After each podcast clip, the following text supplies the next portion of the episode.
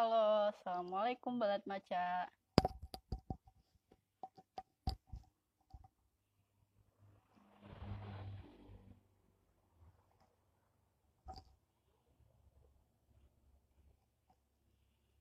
Alhamdulillah kita bisa bertemu kembali ke program mingguan kita yakni Selasa bahas buku. Gimana nih kabarnya teman-teman? Sebelumnya suara aku kedengeran gak ya?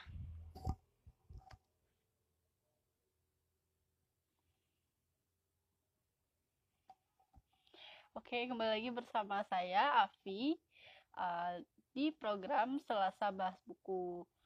Nah, seperti yang teman-teman tahu barangkali, seperti yang tertera pada poster, hari ini kita akan membahas buku karya Habib Hussein ya Habib Hussein Ja'far Al-Hadar uh, yang berjudul Tuhan ada di hatimu bersama Kang Aib Saifuddin yang saat ini sudah bergabung bersama kita. Mungkin kita langsung saja undang Kang Aibnya ya.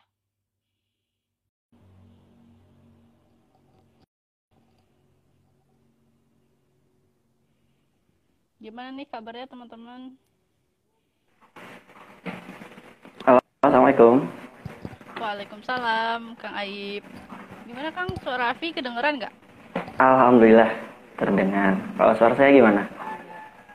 Terdengar sangat jelas. Alhamdulillah. Oke Kang, Oke. gimana kabarnya nih Kang?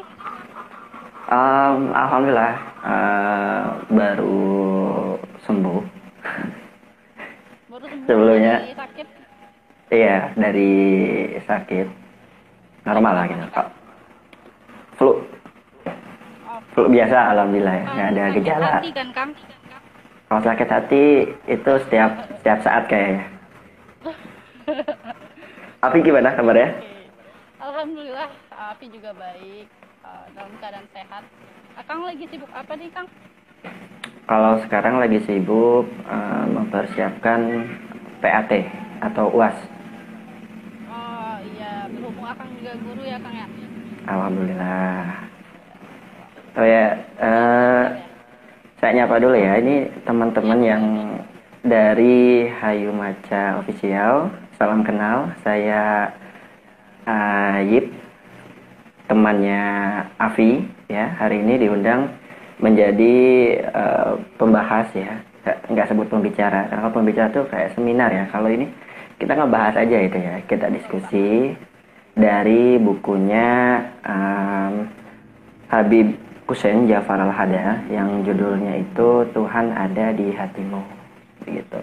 Jadi nanti boleh kita sambil ngobrol barangkali teman-teman di sini ada yang ingin bertanya atau hal yang lainnya bisa langsung tulis saja karena kalau nambah lagi orang susah kayaknya ya.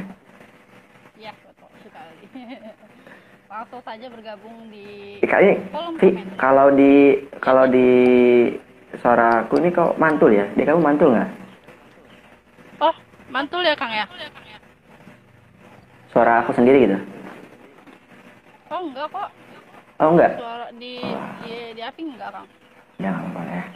Yang penting Sebentar. uh, eh, apa nggak gara-gara- jadi suara perempuan. Kalau gimana? Kalau gimana? Kalau Mantul. sekarang Juga? alhamdulillah enggak sih. Enggak ya? Alhamdulillah. Suara enggak. apinya? Iya. Suara apinya? Oh, apa ya mantul? Ya nggak apa-apa. Mending mending aku aja yang mantul.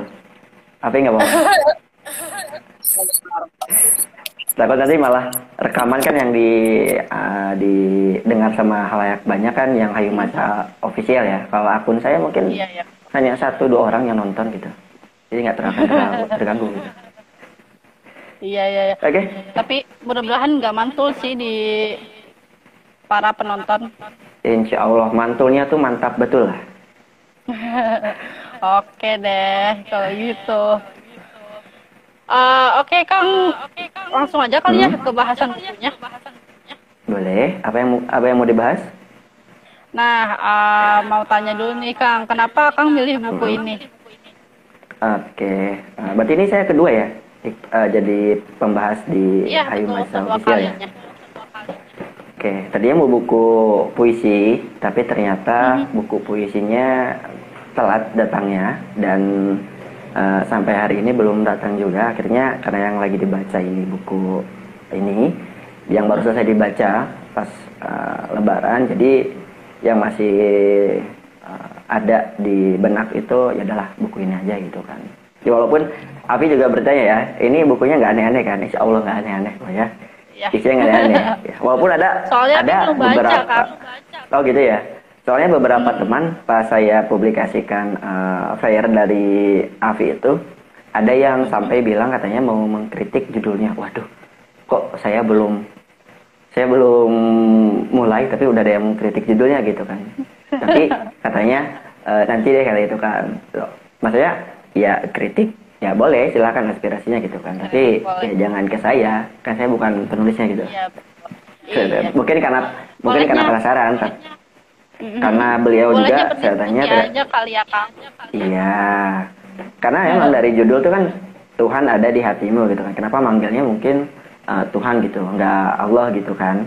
Terus ada tak di Ka'bah, tak di Vatikan atau di tembok ratapan. Sedangkan kalau untuk Vatikan itu kan kita tahunya kan untuk agama ini ya, Katolik atau Kristen gitu. Kurang lebih Iya. ya kan? Kemudian tembok ratapan itu kan eh, Yahudi ya, yang eh, yang Yahudi yang di Israel itu di negeri Palestina itu. Nah, jadi mungkin mikirnya, oh ini apa ini gitu kan? Kok bukunya ini seorang Habib tapi nulis bukunya kayak gini di judul gitu kan? Nah itu itu yang yang sebelumnya pernah saya bahas juga di Ayu Masa Official bahwa judul itu kalau bisa semenarik mungkin di perkuliahan di perkuliahan saya dibahas bahwa dalam membuat sebuah karya itu harus bisa memikat orang lain. Nah makanya pas waktu terakhir kali itu Aan ngobrolin soal Aan Mancur itu memilih judul tuh banyaknya tanda tanya gitu kan.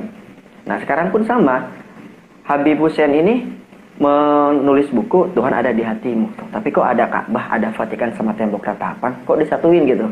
Otomatis orang-orang kan penasaran nih, jangan-jangan ini melenceng nih buku atau misalkan wah keren ya ada di hati gitu kan. Seperti yang dikatakan oleh Jalaluddin Rumi mungkin yang suka dengan karyanya gitu kan, hal-hal yang lainnya gitu. Nah, kalau untuk buku ini sendiri dari cover ini berwarna biru seperti ini. Ya. Yang lebih meleknya lagi ini karena di belakangnya sendiri ada sampai seorang pendeta, pendeta juga ikut mengomentari, pendeta Yeri Pastisanari. Nah, buku ini akan membawa kita masuk dalam petualangan ruhani untuk menemukan sang pencipta yang berdiam di dalam kita. Nah, ini seorang pendeta saja membaca buku ini gitu kan. Apalagi kita yang seorang muslim eh, cukup saya rekomendasikan gitu kan. Mungkin kalau yang lain kenapa sih Ip, kok eh, kamu tertarik dengan Habib Hussein Jafar? Dia kan eh, kayak misalkan kayak ngobrol tuh sama Coki gitu kan. Terus kultumnya pemuda tersesat dan lain-lain gitu kan. Loh, yang saya yang saya ambil itu selama yang diucapkan itu baik, kenapa enggak gitu loh? Toh kalau misalkan dia sampai ngata-ngatain Rasulullah, sampai ngadu domba Allah, nah itu baru saya nggak akan ikutin. Tapi saya ikutin beliau ini dari tahun 2019. Ya kita cerita soal penulisnya dulu ya, Fi ya. Oke, boleh, 2019 Bang. Hussein Ja'far Al-Hadar itu dikenalkan oleh teman saya itu di akun YouTube-nya dengan nama channelnya Jeda Nulis. Dia tuh nulis juga dari dulu, kemudian Jeda Nulis jauh banget. Dulu masih pakai kamera HP, pas bikin sekarang udah pakai kamera yang bagus-bagus gitu kan. Jadi udah tahu eh, sepak terjalnya beliau sampai eh, saat ini ketika beliau berdiskusi itu memang menggunakan rasional dari diri kita. Nah, yang akan dibahas dari buku ini dari judul ini buku ini terbit tahun 2020. Tahun 2020 pen, Baru banget ya Kang. ya? baru ini saya tuh cetakan kelima. Cetakan kelima penerbitnya Naura didistribusi oleh Mizan. Alhamdulillah dapat tanda tangannya. Wah, keren. Nah, karena langsung dari pabriknya. Dari Habib dari Habib Husainnya. Jadi ada eh, beliau juga mempunyai sebuah perpustakaan. Namanya itu Warung Sastra RI di sana buku-buku lawas. Bahkan saya sampai menemukan buku Laila Majnun dan buku Salah Asuhan. Karya Maranusli tahun 1900 Oh. Itu saya dapatkan di warung itu. Jadi benar-benar wow. rekomendasi bagi teman-teman ya mau rakyat rakyat Twitter maupun warga Instagram itu bisa kepoin akun dari warung uh, sejarah RI. Nah, buku ini itu bahasanya sangat ringan ya. Kalau misalkan kita belajar agama mungkin banyak buku-buku kenapa sih nggak ngambil Sirah Nabawiyah atau misalkan buku-buku yang lain? Ya, oke, okay, saya baca Sirah Nabawiyah Alhamdulillah baru pembukaan karena bukunya minjem juga ya karena memang sangat tebal. Jadi yang penting ilmu itu uh, bagus. Selama itu bagus, alhamdulillah pasti isinya baik gitu loh. Nah di sini juga ada empat bab dan 19 subbab. Nah gitu Afi. Nah yang dibahas pertama itu dari judul. Di judul ini ada Tuhan ada di hatimu ya dibuat ini pas uh, zaman covid ya. Zaman covid 2020 itu kan covid awal ya. Covid awal yeah. datang. Jadi prolognya itu membahas tentang Tuhan ada di hatimu menceritakan tentang Ka'bah yang kosong. Wah itu sebuah bencana. Tiba-tiba kok Ka'bah kosong gitu. Biasanya ada jutaan manusia di sana. Puluhan juta manusia di sana ada di Ka'bah. Nah, tetapi kosong. Tiba-tiba melihat yang boleh masuk ke Ka'bah. Bahkan pangeran, raja Arab pun nggak boleh ke Ka'bah. Yang boleh siapa? Yang boleh itu tukang bersih-bersih. Nah ini. Jadi beliau ini mengajarkan bahwa hal terkecil kadang kita melupakan marbot masjid. Kita nggak bisa husu ya. sholat di masjid kalau misalkan masjidnya nggak bersih. Gitu. Betul, betul. Karena dari zaman dari zaman Rasulullah saja itu ada seorang perempuan uh, marbot di Masjidil Haram uh, beliau sakit sampai dicari Rasulullah. Oh, ke mana ini sakit?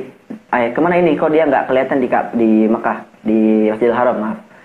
Lagi sakit ya Rasul. Nah, kemudian Rasulullah bilang pada teman-temannya, aku mohon kalau misalnya dia sakit, kamu uh, ke Sayyidina Ali, Sayyidina Umar, pantau terus kesehatannya. Dia butuh apa? Kasih pokoknya. Lapor ke saya. Suatu malam, si perempuan tersebut itu meninggal. Nah, ketika meninggal, sahabat itu sengaja tidak membangunkan Nabi karena apa? Karena berpikirannya dia hanya marbot masjid. Untuk apa dibangunkan seorang Rasul gitu kan? Bukan so, misalkan sahabat Rasulullah yang masyur dan yang lain, tapi ini hanya seorang marbot masjid Masjidil Haram. Untuk apa dibangunkan? Pas tahu esok harinya Rasulullah bangun, Rasulullah marah besar sama sama sahabatnya. Kenapa? Karena gimana ya? Saya sudah katakan bahwa seorang marbot masjid itu itu bukan hanya seorang marbot. Jangan pernah memandang remeh orang lain. Kenapa? Karena bagaimanapun, jangankan uh, kalian yang ikut berperang dengan saya, kalian yang uh, sudah hatam Al-Quran, yang sering ngaji sama saya, itu wallahu alam, pahalanya lebih besar dia daripada kalian. Seorang Rasulullah saya membela sosok marbot masjid. Makanya di sana, ketika saya melihat televisi, di Ka'bah itu ada yang melihat yang ngebersihan Ka'bah itu marbot masjid. Kadang saya ingin menjual di marbot masjid di Masjidil Haram. Kenapa? Karena bisa berhadapan dengan Ka'bah setiap saat. Gitu loh. Ya, betul betul. Ya. Ya, nah, ya, benar, Kang. Di dalam di kenapa ini bilang Tuhan ada di hatimu? Ini tweetan dari uh, Habib Hussein sendiri di akun Twitternya Hussein Jaffa Al Hadar. Beliau menulis karena ada cerita yang menceritakan bahwa waktu itu zaman siapa ya? Pasca Rasulullah sudah meninggal khalifah sudah tidak ada itu ada uh, seorang sahabat yang ber, yang melihat ke arah Ka'bah bahwa wah sahabat yang ada dua orang sahabat. Yang satu berbicara senang ya melihat uh, Masjidil Haram ramai dikelilingi oleh kaum muslimin. Tapi ternyata si sahabat yang satu itu malah merasa sedih. Kenapa karena percuma mereka meskipun uh, ada di sana, tapi hatinya nggak ada di sana. Loh, maksudnya apa ini? Si sahabat yang satu ini memejamkan mata yang sahabat yang tadi berbicara senang gitu kan. Dipejamkan, pas dilihat membuka mata kembali ternyata kosong Masjidil Haram. Kosong dari manusia. Yang ada apa? Yang ada binatang. Berbagai macam jenis binatang ada di Masjidil Haram, mengelilingi Ka'bah. Dia langsung menangis, loh, kok jadi binatang semua? Ya itulah mereka. Karena apa? Karena sekarang tujuan mereka ke sana pencucian uang dan hal yang lain-lain, memperkaya diri sendiri. Ya.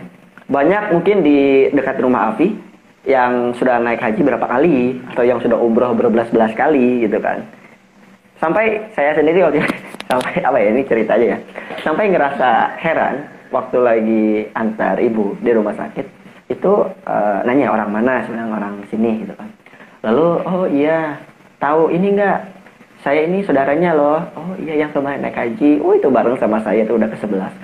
Saya hmm, maksud anda itu kan. Ya oke okay, oke okay, oke okay, oke gitu kan. Nah di sini cerita menariknya setelah saya konkretkan dengan uh, cerita ketika saya bertemu dengan orang tersebut oh berarti benar ya hal tersebut itu memang ada. Orang itu kadang ingin ada titel. Jadi kalau pulang nggak dipanggil Cehaji Cehaji Afi gitu kan. Kayak merasa kurang lengkap gitu ya. Kayak kurang lengkap. Terus kalau misalkan pulang haji nih Afi gitu. Lu Bu Haji Afi terus Afi itu karena niat pulang ya udah. Oleh-olehnya nggak banyak gitu. Pasti diomongin. Oh kurmanya apa ini? Oh ini mah kurma dari ini dari blok M ini mah atau dari pasar Senen paling belinya. Itu kan kayak gitu kan. Kadang jadi Afi itu berpikir wah saya ini udah punya modal banyak nih buat ke Mekah. Pulang terus bawa oleh-oleh banyak. Biar kelihatan bahwa saya uh, haji yang mabrur gitu kan. Mabrur menurut siapa? Menurut Allah atau menurut orang-orang? Nah itu permasalahannya di sana. Sedangkan sahabat yang tadi itu bicara, mereka tidak ada apa-apanya. Ketika saya bertanya sama malaikat Jibril, ada, eh malaikat, ya ada salah satu malaikat, itu mengatakan ada salah seorang lagi jauh di negeri seberang sana, itu dia tidak naik haji, tapi amalannya setara dengan naik haji. Tukang sol. Loh, kenapa? Tukang sol ini dia mengumpulkan uang sampai 400 dirham untuk berangkat haji tetapi dia di tahun tersebut dia urungkan niatnya. Karena apa? Karena dia melihat ada janda yang terlantar bersama anak-anaknya. Akhirnya 350 dirham ia sejahterakan uh, janda bersama anak-anaknya tersebut. Itu setara dengan uh, dia naik haji. Tapi ingat ya teman-teman ya, jangan salah kaprah ya. Jangan saya bilang karena mensejahterakan janda. Terus oh ini fatwa baru nih, Ayo besok tahu nih ini bukan fatwa. Saya hanya bercerita yang ada di buku ini ya. Dan bukan berarti setiap amalan oh oh saya nggak mampu nih berangkat haji. Kalau daftar haji sekarang paling berangkat 2030 atau 40 kapan nih gitu kan. Ah saya cari janda ah, saya nafkahin. Saya, saya punya anak makin anak makin banyak mungkin makin mabrur. Nggak gitu juga ceritanya, tapi dia tuh nabung dari tukang sol itu tahu lah tukang sol paling cuma dapat berapa gitu kan nggak banyak, nggak mungkin 10 juta per bulan atau misalkan yang sampai 2 triliun dalam satu hari, ya misalkan seperti itu, itu kan tidak ada ya. Tidak mungkin ya. seorang tukang sol satu triliun sehari gitu kan, kecuali dia yang pakai dasi yang bagus, ya, itu baru ya. mungkin bisa satu triliun ya. Nah, sehingga amalan dia itu lebih mengurungkan niat dia untuk pergi haji daripada eh dia uh, mengurungkan niat dia pergi haji uh, untuk pergi haji karena dia lebih memilih untuk me, uh, apa memberi rezekinya menafkahi atau untuk janda dan anak-anaknya. Gitu loh maksudnya. Jadi sehingga banyak orang yang uh, memang Ka'bah tuh mengagung-agungkan Ka'bah. Nah ini takutnya salah kaprah. Karena jika dilihat meskipun ya Baitullah rumah Allah jangan sampai beranggapan bahwa Allah tuh ada di Ka'bah gitu. Allah tuh ada di Masjidil Haram kalau misalkan seperti itu karena Allah itu bukan ada di sana nanti malah konkretnya kamu itu malah kalau jadi berhala gitu loh. Nah, iya, itu. Iya, iya. Benar, malah menyembah Ka'bah, bukan menyembah Allah. Nah, sehingga Allah itu kan ada di Al-Qur'an juga dia katakan bahwa dari uh, Al-Baqarah ayat 15 kalau tidak salah, bahwa dari barat sampai timur itu semuanya itu adalah uh, atas kekuasaan Allah dan sebagaimanapun berarti Allah itu ada di mana-mana. Kita sujud mau di mana pun, satu dunia ini adalah masjid. Jadi meskipun kita nggak sampai di uh, Ka'bah atau ke masjid karena lagi COVID, kita sholat di rumah pun untuk menjaga kesehatan, itu udah sama seperti kita sedang sholat dan ibadah kepada Allah, gitu loh. Karena baik lagi, bagaimana hatinya. Nah, itu yang paling penting. Nah, mm-hmm. makanya di sini ketika melihat Ka'bah kosong, kemudian Vatikan kosong, kemudian tembok ratapan kosong, menurut uh, Habib Jafar ini berarti meskipun uh, hikmah yang diambil oleh dia ini bumi itu semuanya masjid Karena Tuhan itu tidak ada di Ka'bah, melainkan uh, Tuhan itu ada di hati setiap manusia. Nah, di sini Nabi Sulaiman dan Masjidil Aqsa itu pernah dalam uh, kitab 4 Masanawi itu aku mencari Tuhan di masjid, gereja dan kuil, tapi aku menemukannya di hatiku. Nah, itu tuh lebih lebih jelas bahwa apa yang kita rasakan ibadah itu ada di diri kita. Nah, gitu Avi. Nah, karena banyak ya. Sebenarnya dari iya, iya. dari diri saya pribadi gitu kan, ingin membagikan kepada teman-teman yang sedang menyaksikan. Di sini ada kutipan menarik halaman 13, berapa banyak orang sholat, tapi sholatnya justru mencelakakan dirinya. Ia hanya ruku dan sujud tanpa kehadiran hatinya. Tak ada kesadaran dalam hatinya seolah kita melihat Tuhan atau Tuhan melihat kita. Ini obrolan dengan uh, teman saya beberapa waktu lalu bahwa mengenai sholat ini kadang yip, kita tuh sholat asal sholat itu.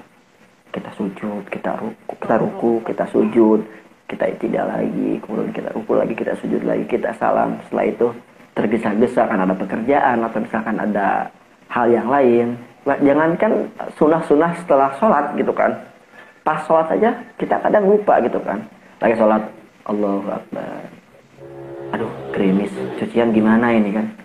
Hujanan gak ya gitu kan padahal Allah yang nurunin hujan itu Allah percaya sama iya, Allah betul, ya. Allah alam kita lagi sholat tiba-tiba ada tetangga Allah. itu mindahkan gitu kan jadi itu sebuah iya, tamparan iya, besar ketika pertama kali saya baca buku ini oh iya sholat saya tuh kadang kurang khusyuk lah. Apalagi kalau misalkan lagi musafir, lagi di perjalanan, saya mudik kemarin, saya sholat dulu, hati itu nggak tenang.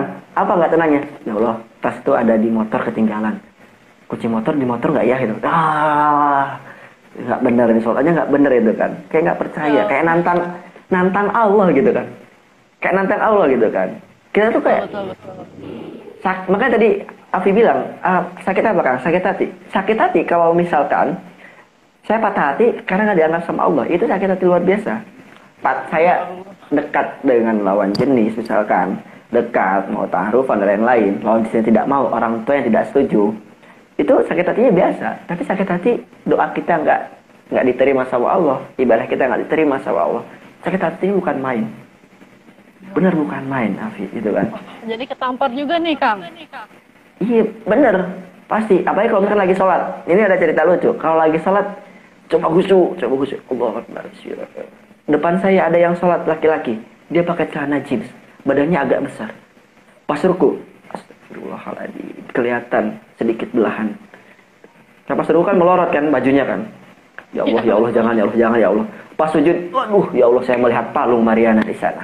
Jadi langsung, oh.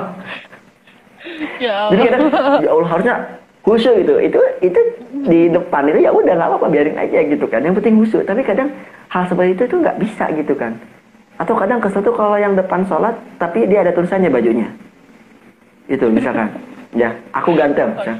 Allah aku ganteng. Ya Allah masa Allah aku ganteng. Ya. Jadi kan? Iya oke oke oke ya kan? Jadi baik lagi. Harus ada di hati kita gitu.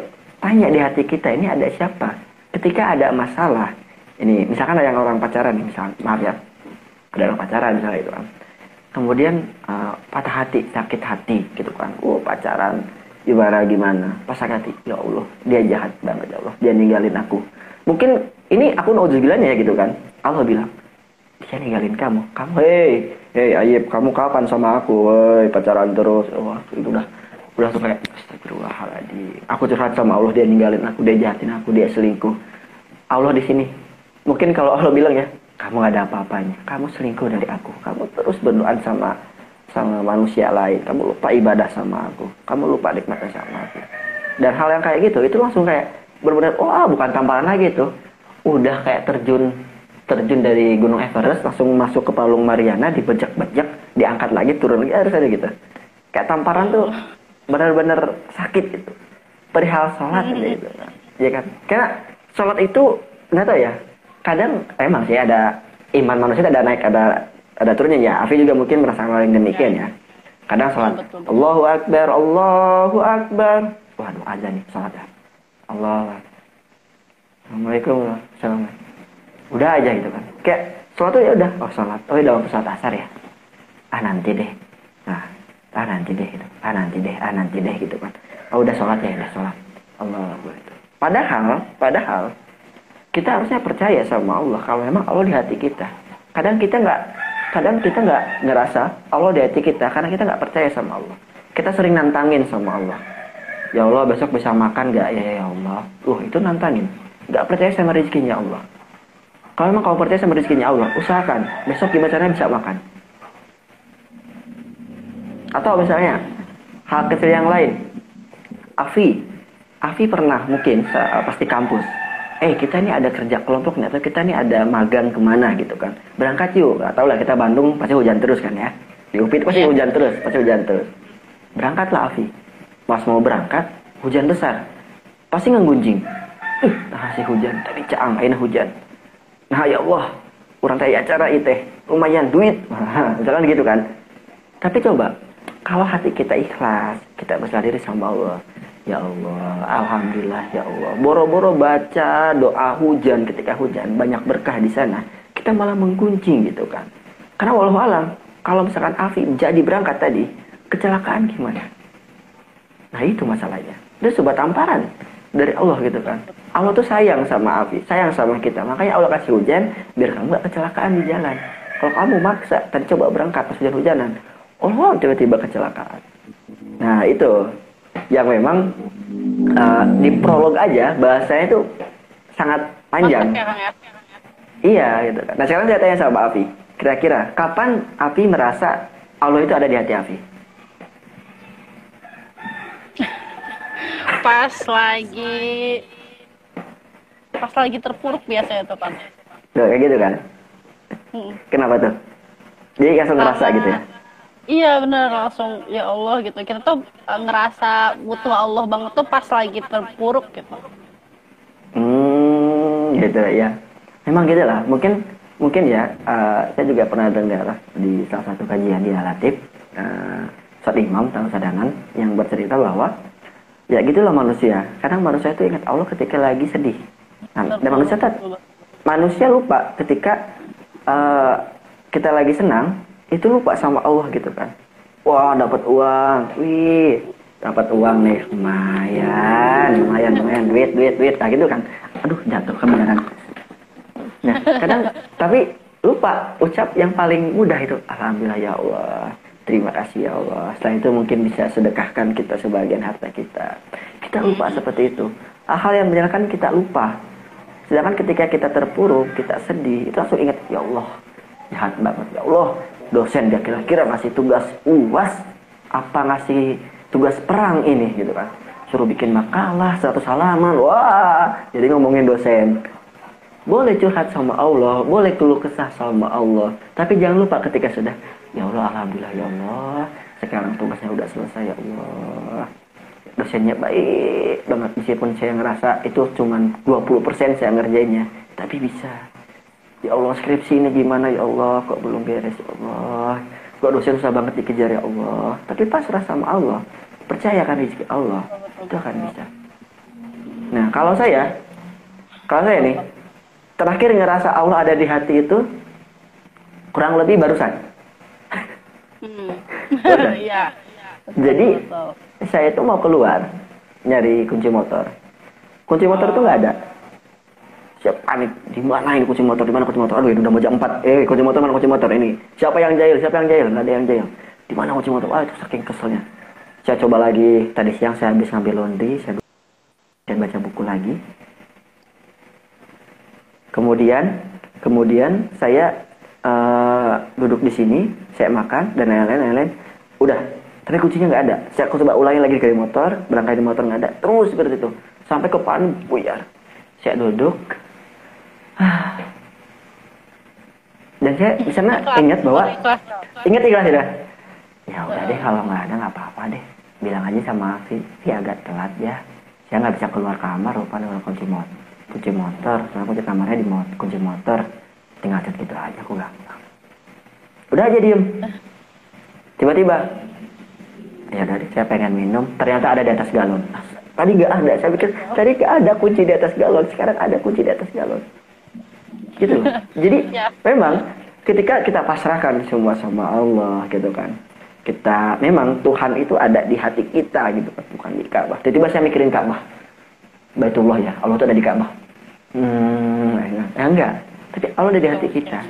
tanya minta sama Allah bahwa kita ini sedang butuh pertolongannya gitu. dan udah dapatnya alhamdulillah ya Allah. Dan pas di perjalanan eh pas saya keluar saya duduk di sini saya baru ngeliat kunci motor nih. Ini barusan nih kunci motor nih. Saya ingat barusan. Oh iya barusan Allah udah tolong saya. Alhamdulillah ya Allah. Kalau Allah nggak tolong saya saya nggak bisa sekarang ngobrol sama Afi. Ngobrol sama teman-teman yang ada gabung di sini. Halo teman-teman yang baru bergabung. Iya. Yaudah Wah, jadi ini muhasabah banget sih, Kang. Muhasabah sore. Buat Afi juga, buat para penonton juga mungkin teman-teman. Ah, nah, kembali ke buku ini nih, Kang. Tadi kan Hmm. berarti alasannya Akang pilih buku ini karena ah, menarik gitu ya untuk dibahas. Iya. Banyak hikmah juga di dalamnya gitu. Uh, nah, tadi Afi sempat baca juga nih Kang di review-reviewnya gitu ya. Ada kutipan kalau Habib Hussein tuh uh, apa nge-bold bagian yang kata-kata tentang hikmah gitu pokoknya hikmah itu sangat penting gitu bagi kita gitu. Kalau nggak ada hikmah kita tuh nggak bisa mensyukuri apa pun gitu. Nah itu boleh uh, ini juga nggak sih Kang? Ya? Dijelasin gitu Iya. kutipannya. Saya- Kayaknya di awal-awal ya? sih. Oh di awal-awal tentang hikmah yang eh, iya jadi lucunya buku ini tuh kadang ada kutipan-kutipan seperti ini. Nah, kutipan-kutipan Iya, iya, seperti benar. ini, jadi eh, bisa potongan Al-Quran dan lain-lain. Untuk hikmah sendiri, iya di awal. Cuman nampaknya saya eh, Pak ya, Kang? lupa ya lupa ya Afi ya maaf ya Oke, hikmahnya sebelah mana tapi yang eh, mau saya bahas eh, lanjut itu soal eh, tadi gimana kalimatnya kutipannya Afi lupa. Pokoknya itu eh apa ya ngejelasin tentang hikmah gitu dan si kalimatnya tuh di bold. hmm oke. Hmm, Eh, mungkin hikmah yang eh, dimaksud ya entah itu eh, review itu barangkali nonton sekarang ya. Barangkali saya salah saya lupa lagi halaman berapa. Tapi eh, yang paling eh, nikmat dari hikmah dari buku ini itu adalah ada di bab hijrah. Ya ada di bab hijrah. Kenapa? Karena di sini judulnya hijrah ada subbab hijrah yang memang hijrah itu masih koma belum titik. Nah di sini kadang hikmah yang diambil dari seorang yang hijrah itu kita bisa uh, sangat terasa. Nah, misalkan gini, mungkin Api banyak mendengar atau misalkan dari diri Api sendiri, oh saya ingin hijrah nih. Hijrah itu berpindah dari sesuatu yang kurang baik menjadi lebih baik. Nah, misalkan dari yang buruk menjadi baik, yang tadinya baik menjadi lebih baik lagi. Makanya di sini hijrah itu masih koma, belum titik. Nah, itu judulnya. Nah, gimana sih? Maksudnya hijrah itu kok uh, masih koma, belum titik? Iya, karena dalam hijrah tersebut itu di sini Habib uh, Hussein Jafar ini mengkritik tentang golongan yang sedang berhijrah. Nah, di sini mungkin ada teman-teman yang memang sedang hijrah, semua diistiqomahkan. Ingat, hijrah itu koma ya, bukan titik. Hijrah itu koma, bukan titik. Karena misalnya gini, kadang ada teman yang berhijrah identiknya itu dengan bukan hal yang substansi, melainkan hal yang terlihat. Contohnya apa? Wah, nggak pakai kerudung. Oke, coba hijrah. Mungkin ada ada cerita teman, teman saya, dia mau coba berhijrah. Yang tanya dia nggak pakai kerudung, dia coba belajar pakai kerudung. Oke, nggak apa-apa, pakai kerudung. Mungkin masih lepas pasang ya. Bulan coba pakai terus istiqomah, dia pakai kerudung. Satu ujian ketika berhijrah adalah itu komenan dari teman-teman dan keluarga. Kamu nggak pantas loh pakai kerudung. Kamu lebih pantas itu nggak pakai kerudung lebih cantik, kelihatan lebih putih dan lain-lain loh, loh, loh, hubungannya apa gitu kan? Ya saya mau pakai kerudung ya saya gitu kan. Nah kemudian ketika sudah mantap berhijrah eh mantap menggunakan kerudung dia pasti akan mencoba. Mungkin kerudungnya banyak yang coba pakai gini dulu tali atau kerudung-kerudung yang lain yang simple yang masih kelihatan rambutnya kan ada kan hijab traveler gitu sampai dia merasa mencoba untuk menggunakan hijab yang memang menutupi dadanya ya. Kemudian ada yang sampai um, coba menggunakan nikob gitu kan. Itu sah-sah saja gitu kan. Selama selama hijrahnya itu memang benar. Tapi ada juga cerita dari teman saya hijrahnya hijrah yang ekstrim. Ada. Kenapa? Dia tadinya lepas pasang kerudung. Kemudian dia tiba-tiba uh, pasang kerudung dalam waktu enam bulan. Dia sudah menggunakan nikob itu bagus. Tetapi di sini Habib Hussein itu mengkritik golongan yang namanya hijrah. Itu kita terus lebih ramah atau murah senyum, kemudian lebih banyak mau belajar dan kepekaan sosialnya tinggi. Ini karena uh, beliau itu melihat bahwa oh jangan ngobrol sama laki-laki, oh, jauh, haram, bukan muhrim, nggak mau ngobrol. Di, sampai nggak mau ngobrol, satu kelompok dengan laki-laki dia nggak mau. Awalnya begitu, lama kelamaan apa yang terjadi Afi? Ternyata dia nggak mau satu kelas dengan laki-laki karena haram hukumnya satu ruangan dengan lawan jenis dia sampai tidak mau diajar oleh dosen laki-laki ingin oleh dosen perempuan. Jadi setiap dosen laki-laki dia nggak datang. Padahal dia di teknik. Nah itu masalahnya. Teknik baiknya laki-laki. Nah sehingga akhirnya dia memutuskan untuk keluar dari universitas tersebut. Nah gitu. Itu kalau saya anggap ya itu masuk hijrah yang ekstrim gitu kan. Oke kalau itu menurut anggapan beliau itu memang jalannya ingin seperti itu ya silahkan gitu kan. Tetapi baik lagi Hijrah di sini bukan mengkerdikan kita untuk interaksi sosial kita menjadi tidak ramah, malah lebih pendiam. Ya pendiam, jangan jangan ngomong. Rasulullah SAW saja itu ramah kepada umatnya, selalu murah senyum. Apalagi senyum itu ibadah, gitu kan? Itu ibadah, katanya katanya hijrah. Dan kan senyum itu kan ibadah. Selama kita beribadah, itu harus ini. Nah, kadang, nah itu satu cerita. Cerita yang lainnya, Kadang ketika orang sudah berhijrah, itu merasa paling Islam.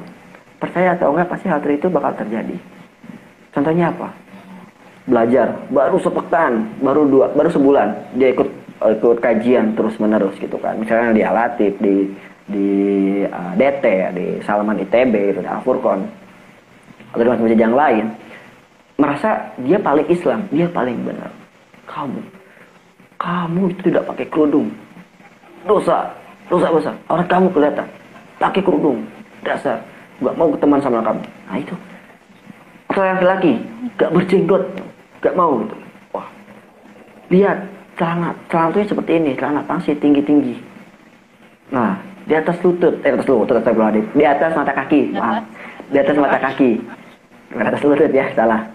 Jangan seperti itu. Itu merasa dia paling Islam. Ada temennya yang salah langsung mengkritik. Kritiknya langsung nyalain bukan kasih solusi gitu kan. Tapi nggak bener. Kamu pakai kerudung itu kelihatan rambutnya. Itu tuh itu tuh aurat kamu loh. Kamu tuh nggak bisa apa jaga uh, baik gitu kan. Atau misalkan kamu tuh udah berkerudung tapi ketawa hahaha kayak gitu. Kayak wow, kayak mencerminkan seorang perempuan. Atau kamu tuh berkerudung tapi kok pakaian kamu seksi gitu kan. Nggak nggak enak dilihat itu kan. Kenapa? Hal tersebut. Karena itu tidak mencerminkan seorang muslim kalau menurut saya pribadi seperti itu. Kenapa? Karena kalau muslim yang baik, dia itu akan merangkul, bukan malah memukul. Itu sebuah pukulan. Karena kalau misalkan kita bicara seperti itu, ai moncek Sunda banyak, ai luhur ditiung, ai handap diriung, nah, misalkan gitu kan. Nah, hal seperti itu, itu kan mungkin bakal uh, orang yang di kita sindir itu kan terpukul. Tapi muslim itu, orang muslim itu itu merangkul, bukan memukul kita ajak pelan-pelan pakai kerudung tuh gini yang baik. Nah gitu. Atau bahkan menurut Habib Nurmagomedov Islam itu dilihat dari perilakunya. Orang luar Islam di agama Kristen ah, Nasrani dan lain-lain itu dia tidak baca Quran dia tidak baca hadis. Lalu apa? Dia melihat orang Islam itu dari karakter Muslim itu sendiri. Nah itu. Itu yang kadang tidak dilihat oleh kita ngakunya Islam tapi tidak berperi keislaman. Ada yang salah, bakar. Allahu Akbar. Benar, takbirnya udah benar gitu kan. Takbirnya udah benar. Ah, bakar itu.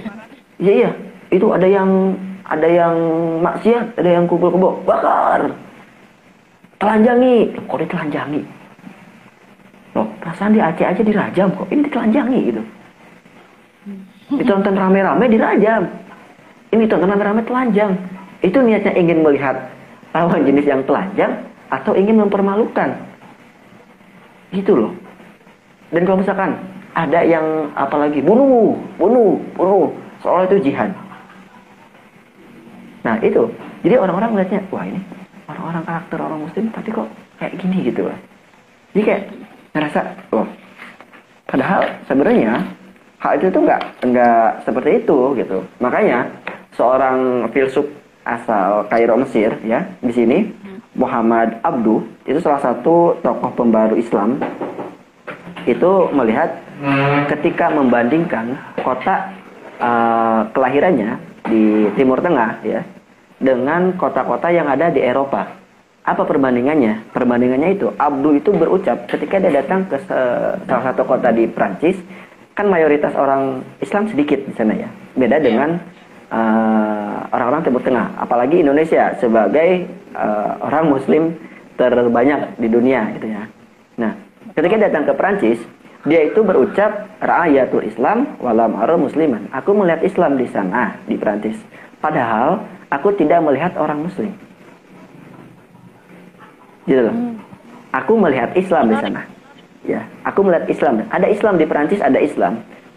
Padahal aku tidak melihat orang muslim. Kenapa? Karena tidak mencerminkan orang muslim di sana tidak terlihat karena saking sedikitnya. Tapi saya melihat Islam di sana. Nilai-nilai Islam terlihat di Perancis. Tetapi ketika saya pulang membandingkan dengan kota kelahirannya, tanah kelahirannya di Kairo, Mesir, dia berucap rayatul muslimin walam aro al Islam. Aku melihat banyak muslim di sini di Mesir, tapi aku tidak melihat Islam pada diri mereka. Nah, ini sebuah tamparan juga, Vi. Di Indonesia kita di Indonesia memang kita banyak muslim di sini, tapi tidak melihat Islam di sini. Gitu loh ya. Ada yang azan, Allahu Akbar, Allahu Akbar. Kita masih menunda salat. Padahal saudara-saudara kita di Eropa, jarang sekali mendengar suara azan. Apalagi saudara kita di Palestina. Untuk sholat dengan tenang pun susah. Di Indonesia, Alhamdulillah, masjid masih banyak. Ya, musola masih banyak. Yang azan masih banyak. Meskipun ketika soal azan subuh yang yang azannya kayak kakek. Ya, tapi kita masih bisa bisa nikmat menikmati suara azan. Kita masih bisa menikmati sholat. Khususnya itu masih bisa. Tapi ada aja ketika sholat, ah nanti ah nanggung ini skripsi nanti takut lupa. Udah azan apalagi anak-anak organisasi ini. Dulu sempat tempat dengan anak organisasi. Ada zuhur Allahu Akbar Allahu Akbar uh, gimana ada yang mau sholat dulu atau dilanjutkan lanjutkan nanggung ini pembahasannya menarik ini sering terjadi sepertinya ini Kang iya sering banget ya sering banget lagi rapat Insya Allah tidak apa-apa. Kita lanjut sebentar ya. Sebentar jam setengah dua, setengah dua baru sholat. Untung nggak meninggal pas lagi rapat. Coba kalau meninggal pas ya. lagi rapat, ya Allah, belum sholat zuhur itu. Nah, oh, betul, gitu ya. Itu betul. Itu benar-benar simple uh, tapi dosanya juga lumayan ya kan? lumayan, dosanya juga bukan lumayan lagi itu, sangat besar. Besar ya. Makanya mungkin ketika dalam kubur dia akan menyesal Wah kalau tadi saya pas sholat meninggalnya. Mungkin saya bakal jadi husnul khotimah. Ini bisa jadi suul khotimah sebalikannya. Kayak lagi debat tuh maki-maki orang. Wah, wah, wah, wah, dia korupsi, wah, benci saya dia. Belum tentu itu asli. Jatuhnya fitnah. Lagi ngomongin gitu, meninggal. Ah. Coba kalau lagi sholat kan, lagi sujud. Amin ya Allah. Ya, aduh, itu benar-benar benar-benar uh, sangat apa ya sebuah tamparan yang luar biasa soal babi hijrah ini hikmahnya memang sangat banyak bahkan teman sendiri tahu kan tahun kemarin saya ngajar di pesantren mm-hmm. teman saya ini sampai teman dekat saya sampai bilang saya cuma titip satu sama kamu ketika kita ketemu lagi kamu udah lama ngajar di pesantren jangan merasa kamu paling alim dia bilang begitu Kenapa? Karena ada teman dia yang lain ngajar di pesantren. Dia ketika pulang ketemu itu malah kayak terus aja kultum, terus aja ceramah gitu kan. Kayak ngerasa dia paling benar, dia paling Islam dan dia mengkafirkan teman saya ini itu kafir itu. Wah, wah. Padahal kalau kafir itu mendoakan hal yang buruk itu akan sebaiknya terjadi. Dia yang menjadi kafir malah. Jadi substansi seorang muslim itu sebenarnya apa sih sebenarnya yang dikatakan oleh tadi Muhammad Abdu itu gitu kan ketika dia datang di Prancis dia tidak melihat uh, Muslim di sana, tapi dia merasakan Islam. Sedangkan ketika kita di dia di Mesir, dia melihat banyak orang Islam. Tapi eh, dia melihat banyak orang Muslim, tapi dia tidak merasakan ada Islam di sana. Karena substansi seorang Muslim itu bukan kembali kepada Al-Quran Hadis. Kadang kita begitu ya. Eh, mari kita kembali ke Al-Quran Hadis, tapi berawal dari Al-Quran dan Hadis. Itu yang paling penting. Kita harus berawal dari Al-Quran Hadis bukan kembali ke Al-Quran dan hadis. Gitu. Itu substansi uh, menurut Muhammad Abdul itu begitu kurang lebih. Jadi banyak hikmah ketika kita sudah benar-benar merasa merasa hijrah karena hijrah itu baik lagi bahwa hijrah itu adalah koma bukan titik. Jadi nggak ada ketika kita hijrah kita malah mendadak ah udah cukup puas saya nggak mau belajar lagi. Ah udah saya nggak mau uh, dengar kajian lagi. Oh ini udah tahu ini bab bab uh, nikah udah tahu udah hafal oh ini bab babnya uh, wudhu. Saya udah tahu tiap hari wudhu kok.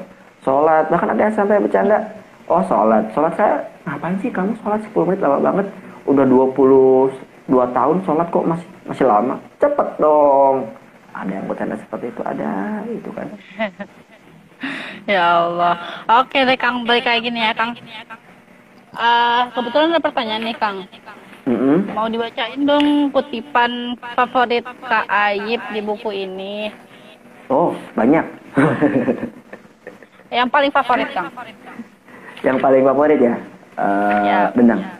Kalau yang uh, paling favorit dari uh, kutipan ini, kalau menurut saya itu adalah yang tadi yang sudah disebutkan bahwa uh, saya itu melihat melihat Muslim, eh saya tidak melihat Muslim di sana, tapi saya melihat Islam di sana. Gitu. Saya bisa merasakan Islam di sana. Tetapi ketika saya di rumah saya, itu saya melihat uh, Muslim, tapi saya tidak merasakan Islam. Nah, itu. Kemudian yang lainnya adalah Mengalah bukan berarti kalah, tapi justru puncak dari kemenangan. Nah, ini sangat berarti. Kenapa? Karena dari mengalah sendiri itu banyak uh, pelajaran yang uh, bisa diambil. Contohnya tadi, ini masalah ini. Ya, saya mengalah, saya mengalah ya Allah nggak apa-apa deh ya. Saya nggak, uh, motor saya nggak ada toh nanti tinggal bilang sama Alfi Alfi agak telat nggak apa-apa ya saya nunggu teman saya barangkali dia bawa kunci cuman temennya lagi nguji Quran dulu gitu kan. Paling setengah lima. Udah itu itu mengalah. Saya mengalah pasrah sama Allah ikhlas sama Allah. Udah saya kalah sama diri saya sendiri. Udah ego kamu tuh nggak usah diperbanyak lagi kata otak begitu. Udah ikutin hati. Akhirnya saya ikutin apa kata hati saya. Dan Allah ngasih kemenangan. Puncak kemenangan saya ketemu dengan kunci motor saya. Sehingga saya bisa pergi keluar dan mencari sinyal begitu itu ya tadi yang bertanya siapa Oke. As Asri uh, ini Kak Asri Kak Asri Where ya gitu. jadi untuk teman-teman mungkin di sini kutipan kutipannya sendiri di buku ini karena banyak kutipan-kutipan di sini seperti misalnya kalau misalnya soal bercanda soal bencana. Mungkin kita sudah uh, oh ya, ini ada kutipan dari Jalaluddin Rumi. Mungkin banyak yang bertanya kan dulu, katanya musik itu haram atau enggak gitu kan. Karena menurut Jalaluddin Rumi sendiri, musik yang haram adalah suara sendok dan garpu kita ketika makan. Sedangkan tetangga kita kelaparan. Nah, itu baru haram. Treng teng teng teng teng teng teng teng teng teng. Itu kita lagi makan treng treng teng teng teng itu perang sendok sama garpu gitu kan. Sedangkan tetangga kita itu kelaparan. Nah, itu baru musik yang haram. Lalu uh, tapi kan bukannya lagu-lagu metal kayak gitu kan satanisme gitu kan ya kalau tahu artinya ya jangan. Jangan diikuti. Yang penting. yang penting uh, seimbang. Kita mendengarkan musik dengan kita tilawah kita murojaah itu harus seimbang. Itu yang paling penting. Ya. kemudian ada yang memang bab membahas tentang uh, tentang bercanda. Nah bercanda di uh, Islam itu bagaimana gitu kan? Boleh-boleh saja bercanda, asal jangan bercanda yang yang sangat keterlaluan.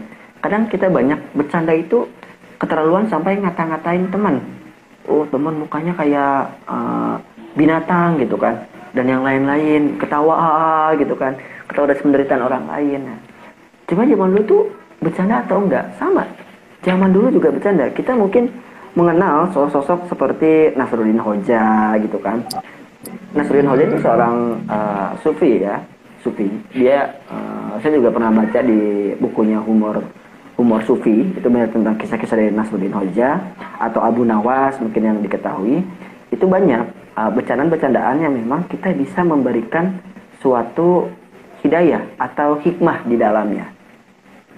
Seperti misalnya ya candaan ini tentang uh, Nasruddin yang sedang mencari kunci di luar rumah ya. Uh, tetangganya bertanya apa yang sedang kamu cari Nasruddin, saya sedang mencari sebuah kunci. Nah, tetangga-tetangganya ikut mencari, mencari, oh, di mana nggak ada. Sudah beberapa jam mencari kunci tersebut, ya seperti yang saya lakukan tadi, beberapa jam saya mencari kunci tersebut.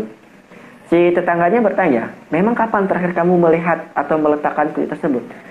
Terakhir kali saya meletakkan kunci tersebut itu di dalam rumah. Loh heran dong tetangganya, loh kamu meletakkan kunci di dalam rumah, tapi kamu mencari di luar rumah.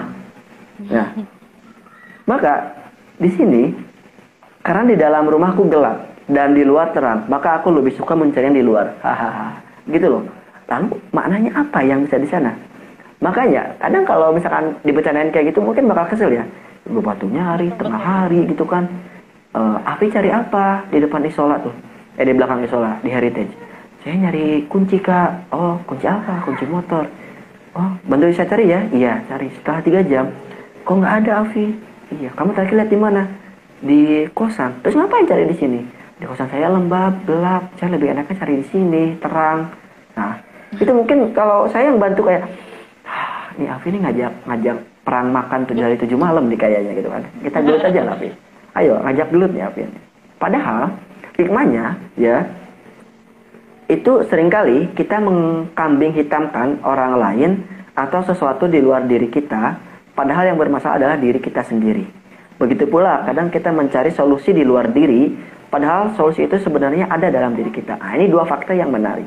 Kita kadang mengkambing, mengkambing hitamkan. Kita yang salah. Ya, senggol motor. Eh, bisa wae bos. Padahal kita yang ini, karena mungkin kalau istilah anak-anak sekarang itu namanya apa ya? Flying uh, victim atau flying victim gitu ya.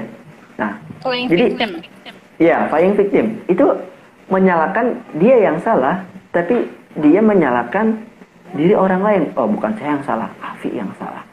Tadi itu Afi yang pinjam kunci motor tuh, makanya ini Afi yang salah. Saya apa? Padahal itu diri kita sendiri yang kadang lupa nyimpan barang, ya. Kita merasa kita yang paling benar karena kita belum selesai dengan diri sendiri. Gitu. Nah, di bab bercanda sendiri itu uh, menceritakan sebenarnya Rasulullah itu pernah bercanda atau enggak? Pernah Ya, oke, okay, makasih uh, DLDK Flying Victim. Iya, benar. Uh, Afi, sebentar ya Kang, dia ada tamu tiba-tiba. Ya, sebentar aja. Ya. Ya, gak tahu nih. sebentar ya. Tapi okay. gak mau dilanjutin juga cerita-ceritanya Kang. Oke, okay, saya uh, akan lanjutkan bercerita. Ya, insya Allah semoga masih ada yang mendengarkan.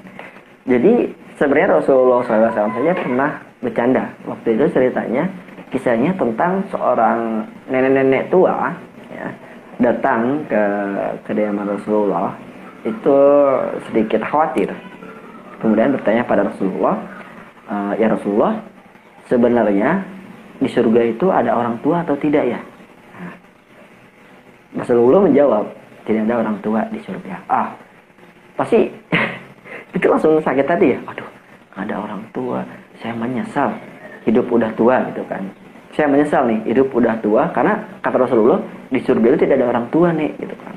Langsung kayak ah saya ini udah tua 60 tahun ke atas udah mau 70 tahun. Ternyata tidak ada orang tua. Ya udahlah gitu kan saya pasrah. Ternyata di sana Rasulullah bilang paham saya hanya bercanda. Di surga itu tidak ada orang tua tidak ada nenek-nenek. Di surga tidak ada nenek tua tidak ada nenek di surga itu yang ada itu adalah bidadari bidadari bidadari cantik. Makanya nenek ketika meninggal nanti masuk surga insya Allah akan kembali awet muda. Kulitnya akan kencang kembali ya. Seperti yang mungkin kalau iklan-iklan atau yang uh, beauty vlogger beauty vlogger yang sering gini-gini ini saya pakai ini ya serum ini ya. Ini gitu kan merek ini ya. Itu dioleskan setiap malam seperti ini. Setengah lingkaran setengah lingkaran. Nah misalnya seperti itu kan nah itu lebih cantik dari sana. Jangan bayangkan bidadari bidadari yang ada di dunia. Jauh dari surga tuh. Nah sebenarnya seperti itu. Itu bercandanya nabi itu pertama. Kemudian ada lagi bercanda nabi yang lain. Ketika sedang makan bersama dengan sahabat-sahabatnya. Waktu itu sedang makan kurma. Sedang makan kurma Sayyidina Ali itu jahil kepada Rasulullah. Jadi uh, biji kurmanya itu dikasih digeser ke letak duduk Nabi semua. Kemudian sambil berkata bahwa ya Rasulullah, kamu ini sangat kelaparan nampaknya. Sampai-sampai mau makan banyak kurma. Kemudian apa yang di yang dikatakan oleh Rasulullah? Rasulullah balik bercanda kepada Ali.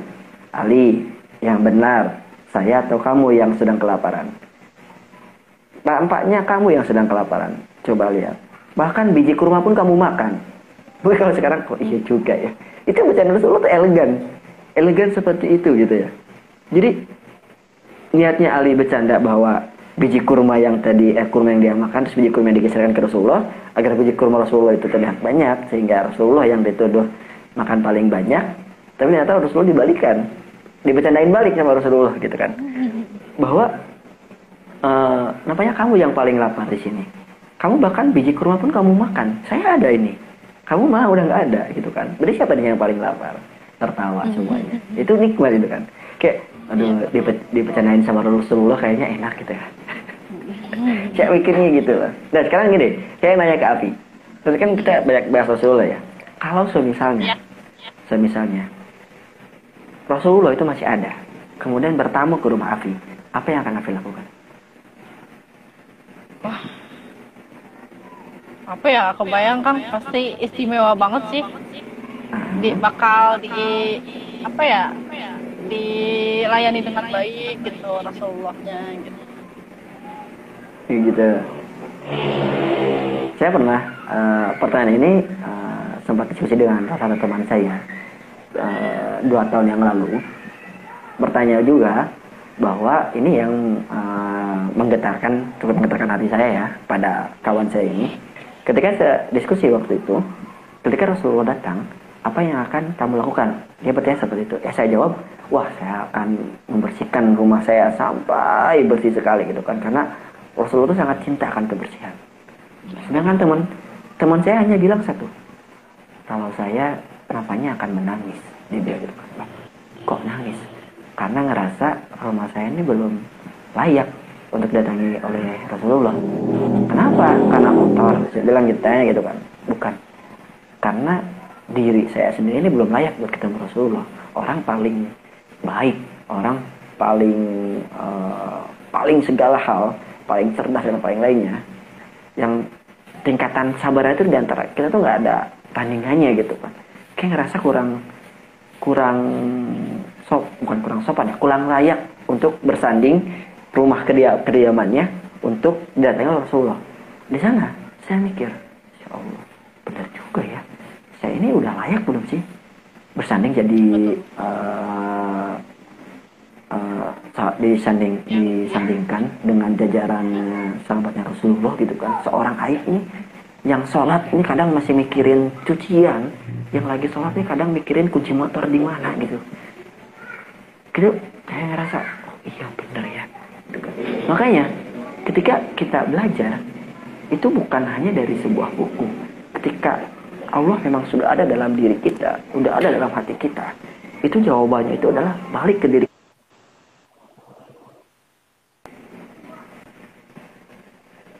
Jawabannya itu balik ke diri kita sendiri bukan malah ke orang lain. Gitu loh. Jadi saya mikir ketika waktu itu dia bercerita pada saya bahwa sholat sholat yang baik itu ada nikmat di dalamnya sujudnya coba rasain. Aku yang masih ngelihat bahwa sholat aku masih kadang oh ya cepet ya. Asal aja sholat itu kan. Mikirin hal yang lainnya. Pernah saya melihat dia sholat nikmat banget. Ah saya pasan saya hitung entah itu rokaat keberapa saya mikir saya hitung. Dia lebih dari lima menit hanya sholat asar. Setelah itu dia duduk dia nikmat sekali. Dia berdoa sama Allah gitu kan. Jadi ketika saat itu kemudian setelah dari masjid melihat dia sholat saya mikir kebetulan juga waktu itu uh, saya mendengar lagu dari Panji Sakti ya. Mungkin beberapa teman ada yang tahu Panji Sakti. Tentang judulnya dia Danau. Itu dari sebuah puisi juga. Itu liriknya itu ada yang sedang menyendiri tapi nampaknya dia tidak sendiri.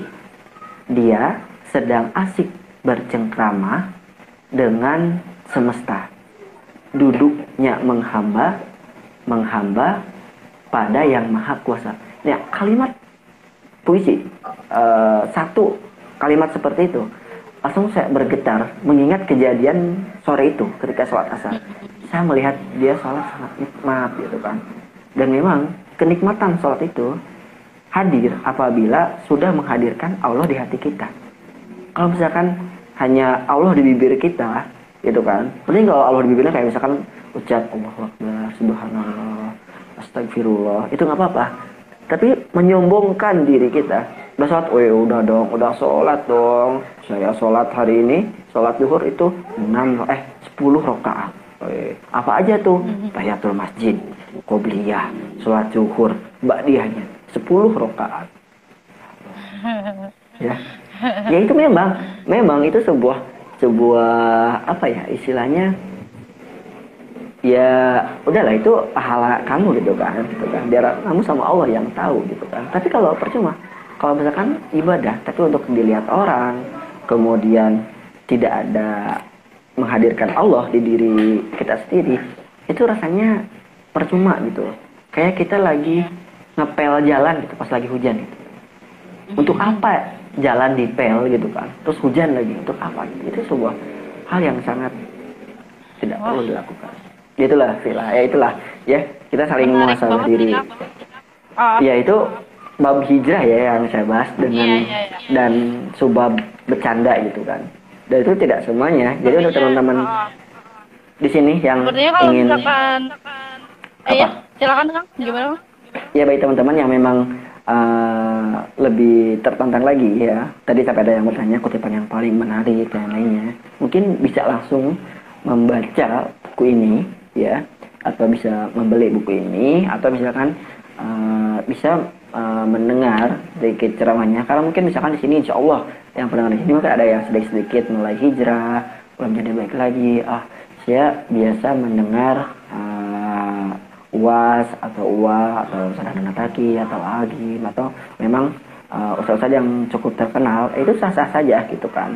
Karena baik lagi kalau untuk uh, hal yang baik itu setiap ustaz itu memang ada kalau saya lihatnya ada genrenya masing-masing ya gitu kan. Mungkin kalau saya melihat uh, Habib Hussein Jafar ini lebih cenderung untuk uh, remaja-remaja kaum milenial sekarang itu yang mau belajar enteng dan memang nggak uh, terlalu berat pemikirannya. Kita tadi bahas soal hijrah aja itu cukup mudah gitu kan. Kita yang penting kita Islam. Kita kita Muslim tapi kita nggak terlihat ada Islam di diri kita gitu kan.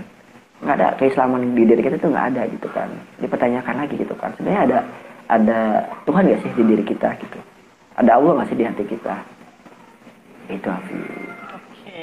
Ya, ada yang ingin bertanya. Uh, kebetulan waktunya sudah ini karena waktu oh, kita terbatas Kang gak kerasa ya gak kerasa gak kerasa banget ini banyak banget uh, yang disampaikan Akang juga lumayan jadi apa ya jadi introspeksi mungkin bagi teman-teman bagi diri Afi juga dan mudah-mudahan bermanfaat.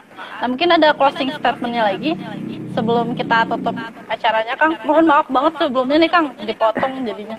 Nggak apa-apa ya. Yang pertama eh, ada yang dua hal yang ingin disampaikan ya eh, permohonan maaf dan simpulan ya. Jadi untuk permohonan maaf sendiri ya, buat teman-teman, uh, kenapa nggak nggak cerita semua seluk beluk buku ini? Kalau saya ceritain semua seluk beluk buku ini, pertama waktunya nggak akan cukup yang kedua, Betul. nanti nggak jadi beli. Kenapa? Karena sudah saya ceritakan semua kisahnya. Gitu loh. Iya, iya, ya. Iya. Jadi ya, ya bahas yang memang menarik dan yang saya sukai gitu. Nah, kemudian yang kedua, saya minta maaf bahwa uh, di sini saya bukan ustaz, saya di sini bukan seorang kiai dan yang lain yang membicarakan hal-hal yang tentang Islam, tapi saya membicarakan apa yang ada di buku ini. Kalau tidak percaya, silakan baca ya buku ini, kemudian jadi uh, belajar dari pengalaman, karena pengalaman itu merupakan guru yang guru terbaik. Guru yang paling terbaik. Dan closing statementnya itu simpulannya saya mengutip di halaman uh, cover terakhir bahwa sejatinya menghadap ke mana pun kita melihat kebesaran Allah yang membuat kita menyebut namanya. Bukan hanya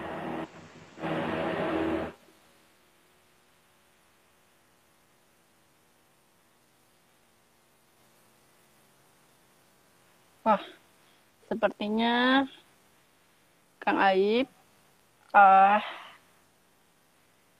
ada masalah dengan jaringannya, dengan sinyalnya mungkin. Uh, mungkin karena tadi juga udah ini ya. Oh, ini bergabung lagi. Oke. Okay.